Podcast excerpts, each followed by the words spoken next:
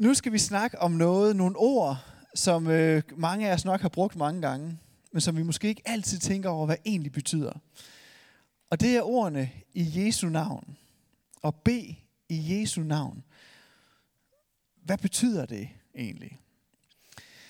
Og øh, vi skal se på det ud fra en tekst fra Johannes evangeliet, og øh, i kapitel 16. Og i Johannes evangeliet, kapitel 13, der er Jesus sammen med disciplene, og han vasker deres fødder. Og det er ligesom Johannes evangeliets udgave af nadverberetning, måltidsfællesskabet. Det er kapitel 13. Så i kapitel 18, der bliver Jesus taget til fange og ført op og korsfæstet. Og så er der de her kapitler indimellem, hvor Jesus han ligesom er sammen med disciplene den der sidste tid, og hvor han ligesom snakker om kring noget af det, der skal komme. Hvad er det for en virkelighed, der er i vente for dem, og hvad skal kendetegne dem som hans disciple? Så når vi læser den her tekst, så kan man næsten prøve at forestille sig, hvordan Jesus han går fra det her måltidsfællesskab med disciplene og snakker med dem på vej ud til haven, hvor han fortæller om den her nye virkelighed, der er på vej til at vinde ind. Og så siger Jesus sådan her til dem. Til den tid vil I ikke stille mig flere spørgsmål, for min far vil give jer alt, hvad I beder om, når I bruger mit navn. De har I ikke gjort endnu, men det skal I fra nu af. Når I beder, vil I få det, I beder om, og I vil blive fulde af glæde. Indtil nu har jeg talt til jer i billeder, men der kommer en tid, hvor jeg stedet åbent vil fortælle jer om min far. Den dag skal I bruge mit navn, og når I beder til ham. Og I kan tale direkte til ham. Og derfor behøver jeg ikke at bede til ham på jeres vegne. Han elsker jer nemlig, fordi I har elsket mig, og fordi I tror på, at jeg er kommet fra ham. Jeg kom fra min far til verden, men nu forlader jeg verden igen og tager til min far. Tak Gud for dit ord til os. Så vi skal bede i Jesu navn. Er det sådan en, øh, ligesom sådan en formel, eller sådan en trylleformular? Sådan at hvis man siger den rigtigt, så virker det bare. Sådan i Jesu navn. Sådan sige det på en måde, der sådan virkelig virker, ikke? og virkelig får tingene til at ændre sig. Sådan lidt ligesom hvis det var hokus pokus filiokus. Det ved vi godt. Man kan kun trylle, hvis man siger hokus pokus filiokus rigtigt. Og hvis man siger hokus filikokus prolikokus, du ved, så, kan, så virker det ikke. Man skal sige det rigtigt. Så når Jesus siger, I skal bede i Jesu navn, er det så sådan at sige det på den rigtige måde, sådan at det drejer nøglen, og så sker det. Så lidt ligesom hvis man fik sådan en superkraft, ikke? som Thors hammer, og så kan man bare bruge den. Det er ikke helt det, det betyder det her med at bede i Jesu navn. At bede i Jesu navn, det er, når vi beder i Jesu navn, så sætter vi os ind i den virkelighed, som Jesus vandt for os i påsken. Vi træder ind i den virkelighed, som Jesus vandt for os i påsken. Jesus han er en del af treenigheden. Jesus han er Gud. Og i Jesus blev Gud menneske, og Gud kom til os. Så når vi siger i Jesu navn, så træder vi ind i den virkelighed, hvor Gud er kommet nær til os. Og at vi har direkte adgang til Gud. Det er den virkelighed, vi befinder os i, minder os om. For det var det, Jesus gjorde for os. Og det betyder to ting, i hvert fald. Det betyder, at vi har direkte adgang til Gud. Jesus han siger det faktisk meget direkte i teksten. Ikke? Han, der står sådan her, I kan tale direkte til ham. I kan, I kan tale direkte til Gud. Og derfor behøver jeg ikke at bede til ham på jeres vegne. Jesus behøver ikke at bede til Gud for os. Det, kan, jeg tror jeg måske, han gør alligevel, for jeg tror slet ikke, han kan lade være. Men han behøver ikke at gå på vores vegne til Gud, fordi vi kan selv gå til Gud. Vi har selv direkte adgang til Gud. Og den tanke, det er faktisk ikke en selvfølge, når man ser på kirkehistorien, at vi forstår det. Der har været mange år, hvor at, øh, man ligesom lærte, at man skulle bede til helgener. Så nogen, der havde opført sig rigtig godt og kunne være forbilleder, og der var døde, og så kunne man bede til dem, og så kunne de gå til Gud på ens vegne. Så hvis det var noget med skibsfart, så kunne man bede til helgen for skibsfart. Det er også oplagt at tænke, at man skal bede til Jesus, fordi han er jo draget afsted og sidder ved Guds højre hånd. Så kan man jo bede til Jesus, og så kan Jesus måske på ens vegne måske snakke lidt med Gud om det, man gerne vil have, at Gud han forholder sig til. Men Jesus han siger, sådan er det ikke. Du har direkte adgang til Gud. Du kan gå direkte til faderen selv. Tit så kan man se, hvor betydningsfulde folk er. Alt efter, hvor mange mennesker man skal igennem for at komme frem til dem. Hvor mange led er der op til direktionsgangen. Her for øh, godt et år siden, der var vi i gang med at planlægge, at vi skulle have alfa, og vi skulle have sådan en fysisk alfa. Det var inden corona og alt det der. Og så tænkte vi, at vi skal have sådan et hotshot, som øh, ligesom er på til den første samling. Fordi så kommer folk, og så får de sådan en lille smag af alfa, og så måske har de lyst til at blive hængende. Så vi tænkte, at vi skal have sådan en kendis. Og øh, det var ligesom min opgave. Og så øh, jeg skrev til Hella Juf, for jeg tænkte, hvis Hella Juf kommer, så kommer der folk. Øh, og det lykkedes mig faktisk aldrig at få sådan direkte kontakt til Hella Juf. Jeg fik kontakt med hendes sekretær, og det blev aldrig rigtigt til noget, så den døde ud. Så jeg kan sige, at Anders Akker, han er virkelig rar. Ham kan man bare skrive direkte til, og så skriver han bare tilbage. Sådan en rigtig rar fyr. Og den sådan mest kendisagtige, som jeg skulle prøve at skrive til, det var Lars Mikkelsen.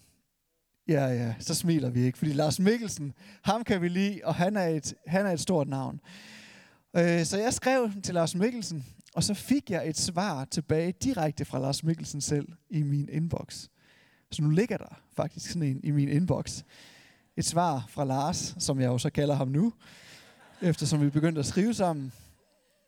Og der står jo simpelthen, jeg er desværre helt booket med projekter i det nye år en anden gang. Og så fik jeg lige sådan en der, Lars. Hvor mange har fået sådan en emoji der? Det var så, det var så tæt, jeg kom på Lars.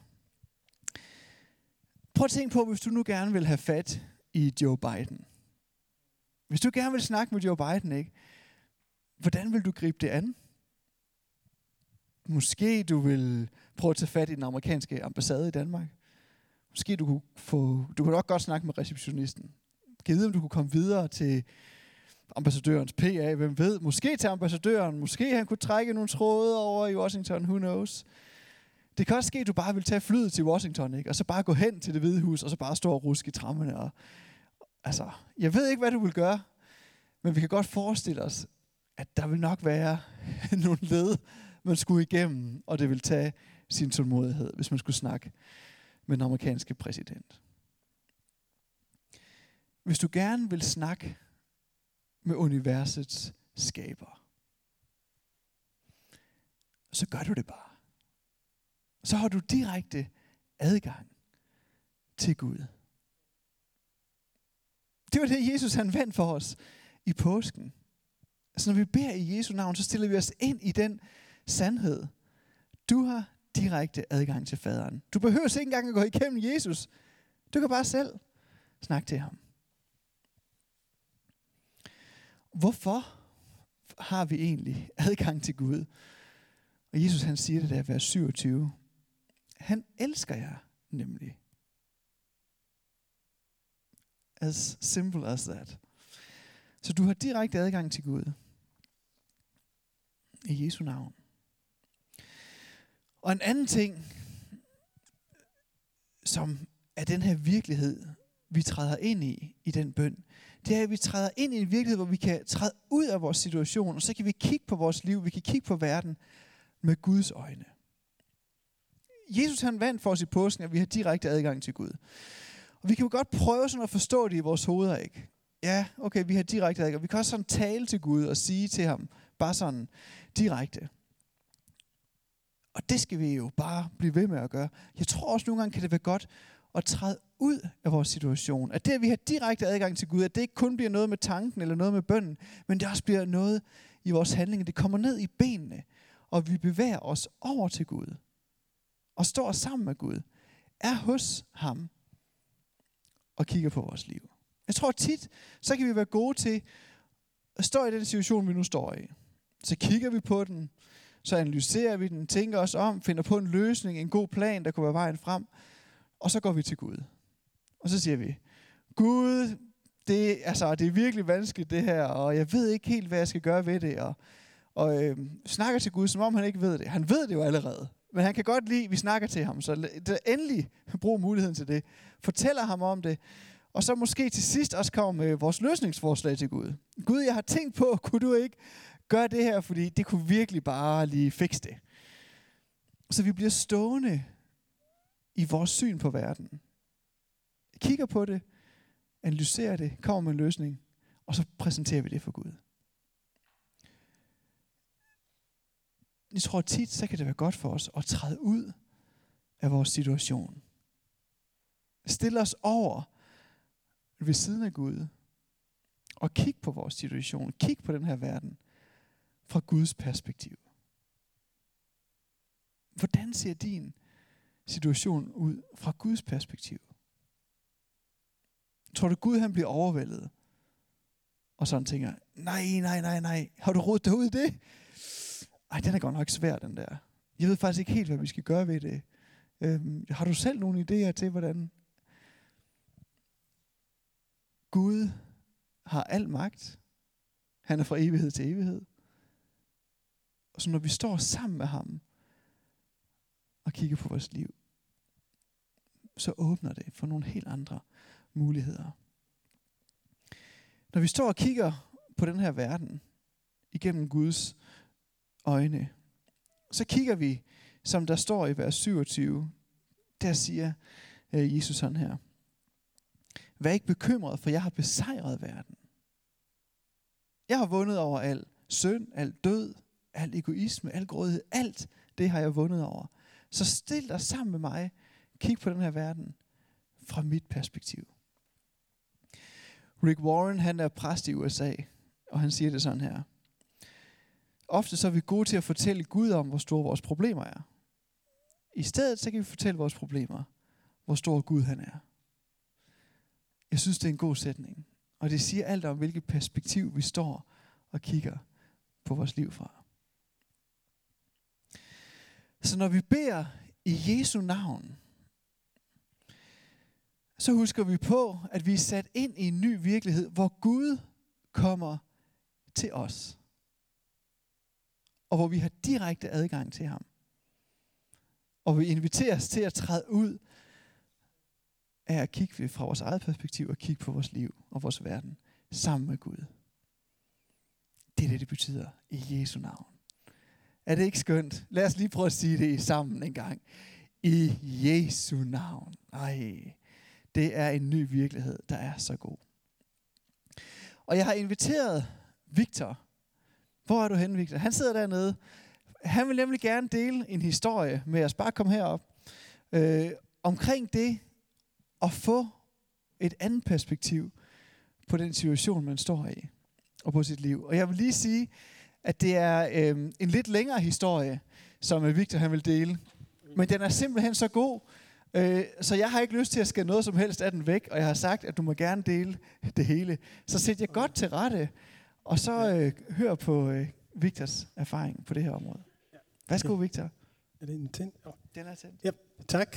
Um og det er i øh, 2014, eller undskyld, 2011, øh, december den 24. Jeg var studerende i Aarhus, og jeg gik til øh, en julegudstjeneste i Aarhus Varmenhed. Og på det tidspunkt havde jeg mange, ja, jeg var, ja, jeg havde udfordringer, som måske jeg aldrig har. Sådan. Men det var lidt overvældende, så jeg, jeg tænkte, okay, jeg, jeg skal bare bruge tid hjemme, og jeg fik nogle invitationer fra venner, som sagde, at jeg skulle fejre jul sammen med dem, men så takkede jeg nej. Men på vej ud af, Gud, af kirke, så møder jeg en anden ven, øh, han hedder Andreas. Øh, så siger han til mig, altså han spørger mig, øh, Øh, hvor skal du fejre jul? Så siger jeg, nu er jeg bare på vej hjem. Han, siger, han svarer, nej, det kan du ikke. Det, som, det var ulovligt at, at fejre jul alene. Øh, og så uden at jeg kunne gå ind og forklare til ham, hvorfor han ringede til sin mor, og så sagde jeg, mor, er det plads til en gæst? Og hans mor sagde ja. Og så, ja, inden længe, så var logistik på plads, og efter en time, jeg var i en by, øh, måske 25-30 minutter fra Aarhus. Og det var en dejlig stemning, en julestemning, og det var god med, og vi sang, og det var nogle gaver, som blev improviseret til mig. Og, og, øh, og det, det var dejligt, men, men jeg, jeg var lidt ambivalent her, fordi for det første, jeg ikke boet meget med min familie. Og, for, og, så, og så samtidig tænkte jeg, at okay, jeg er bare en gæst, og snart jeg skal ud. Ja, men når der, ja, festen var slut, eller næsten slut, øh, det var måske kl. 22, så jeg skulle nu smutte tilbage til Aarhus, så, så spørger Andreas' far mig, han siger, er det, er det noget, er, har du noget ønsker til 2012? Og så jeg svarer til ham i kontekst af de der tanker, jeg havde hele den, eller den dag, at øh, ja, men jeg siger til ham, okay, jeg kunne ønske, om jeg kunne høre fra Gud, som og så er han på en meget karismatisk måde siger bare, åh ja, det beder vi for i Jesu navn. Sådan.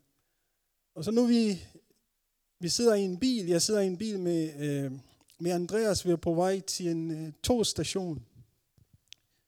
Og i bilen spørger Andreas mig, om jeg har haft en øh, dejlig aften. Så ser jeg til ham, som jeg har lige fortalt, at jeg var lidt ambivalent i mig, øh, fordi jeg kunne ikke forestille mig at være i den lignende situation igen, ikke? fordi min far for eksempel døde for, øh, var det i 2007.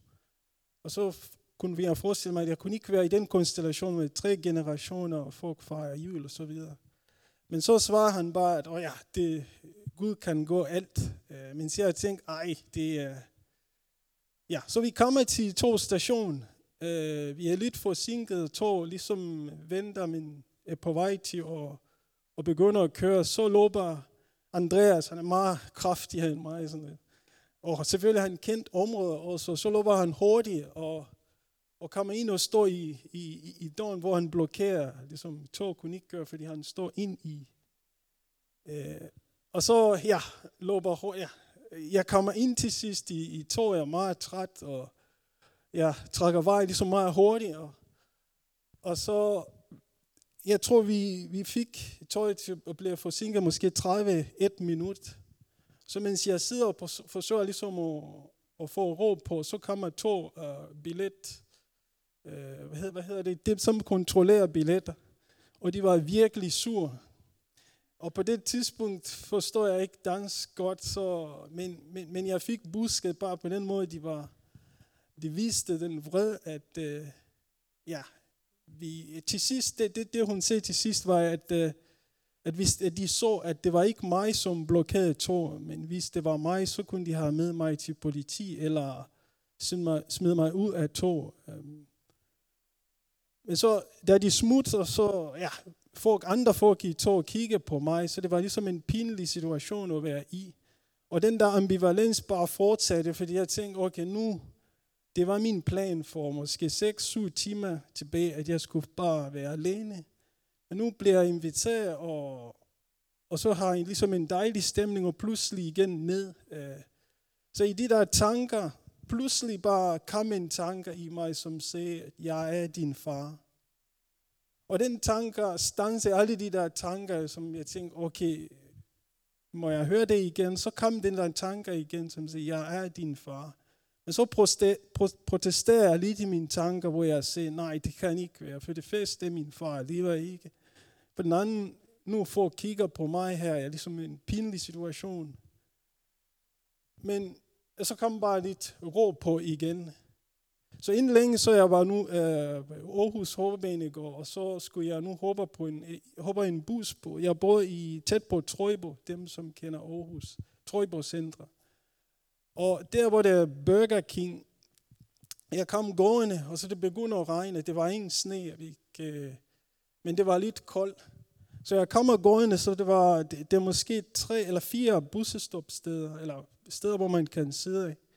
Og så på den fest, jeg kom, jeg tænkte, okay, jeg kunne nå så lidt sidde ned, mens jeg ventede på bus, at så regn, eller jeg fik ikke regn på mit hoved. Men så pludselig var det en mand, som sad der, og det er første gang, jeg så en en hjemløse faktisk i Danmark, og han, han havde ikke uh, sko på. Uh, og så da jeg så ham, uh, ligesom jeg kom gående, så så ham, og så, så de andre, som var i den, på den sted, begyndte at gå væk.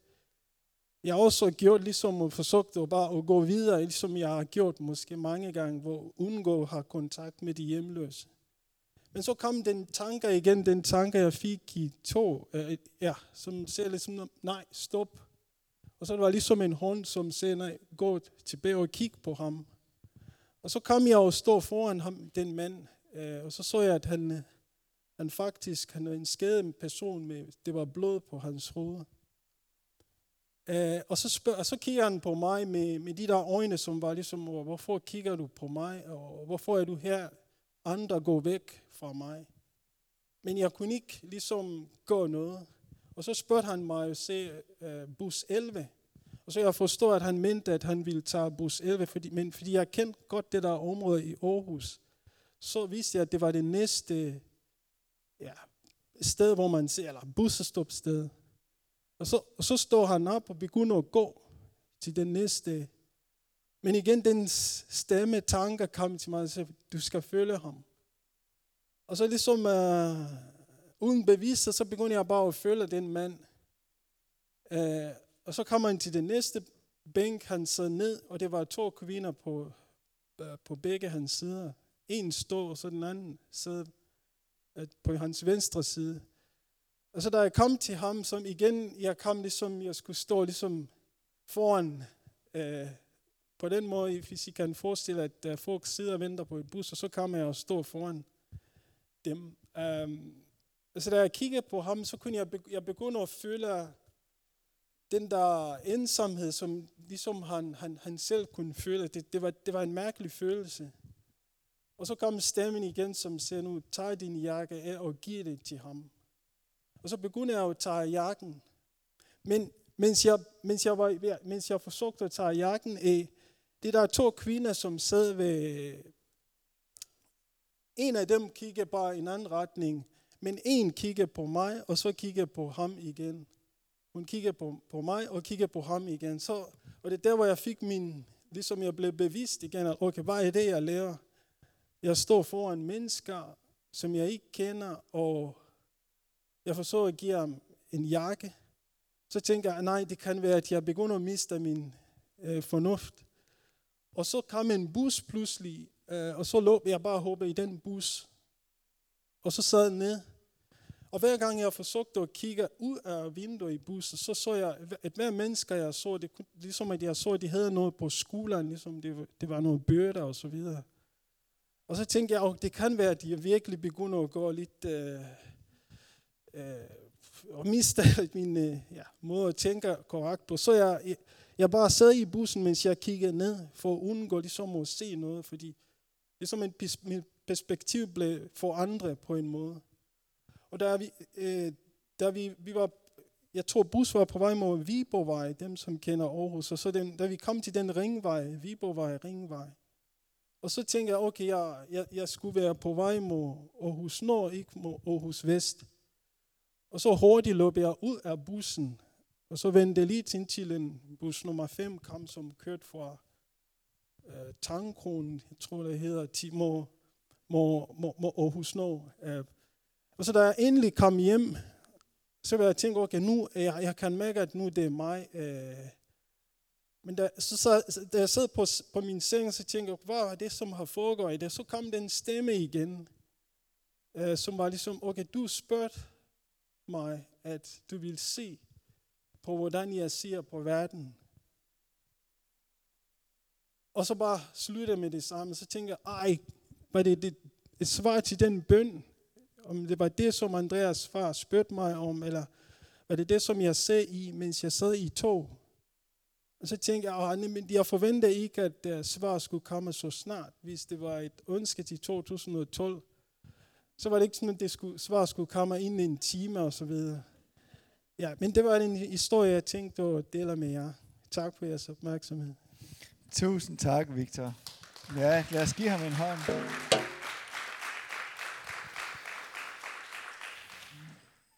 Jeg synes, det er sådan en smuk historie. Nu har jeg hørt den tre gange, og der er så mange ting i den, jeg synes, der virkelig er flot. Det er næsten som at høre sådan en lignelse, der sådan udspiller sig i vores tid nu. Skal vi ikke bede sammen? Vil I ikke komme op?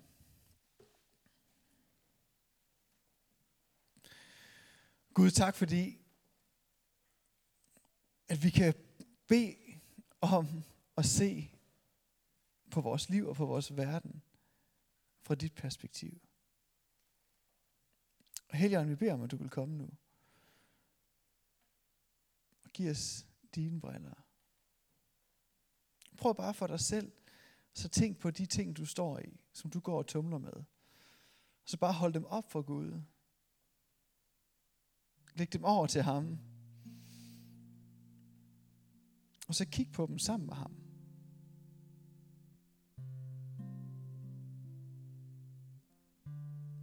Hvad siger han? Når du står sammen med din himmelske far og kigger på de her ting, hvordan ser det så ud?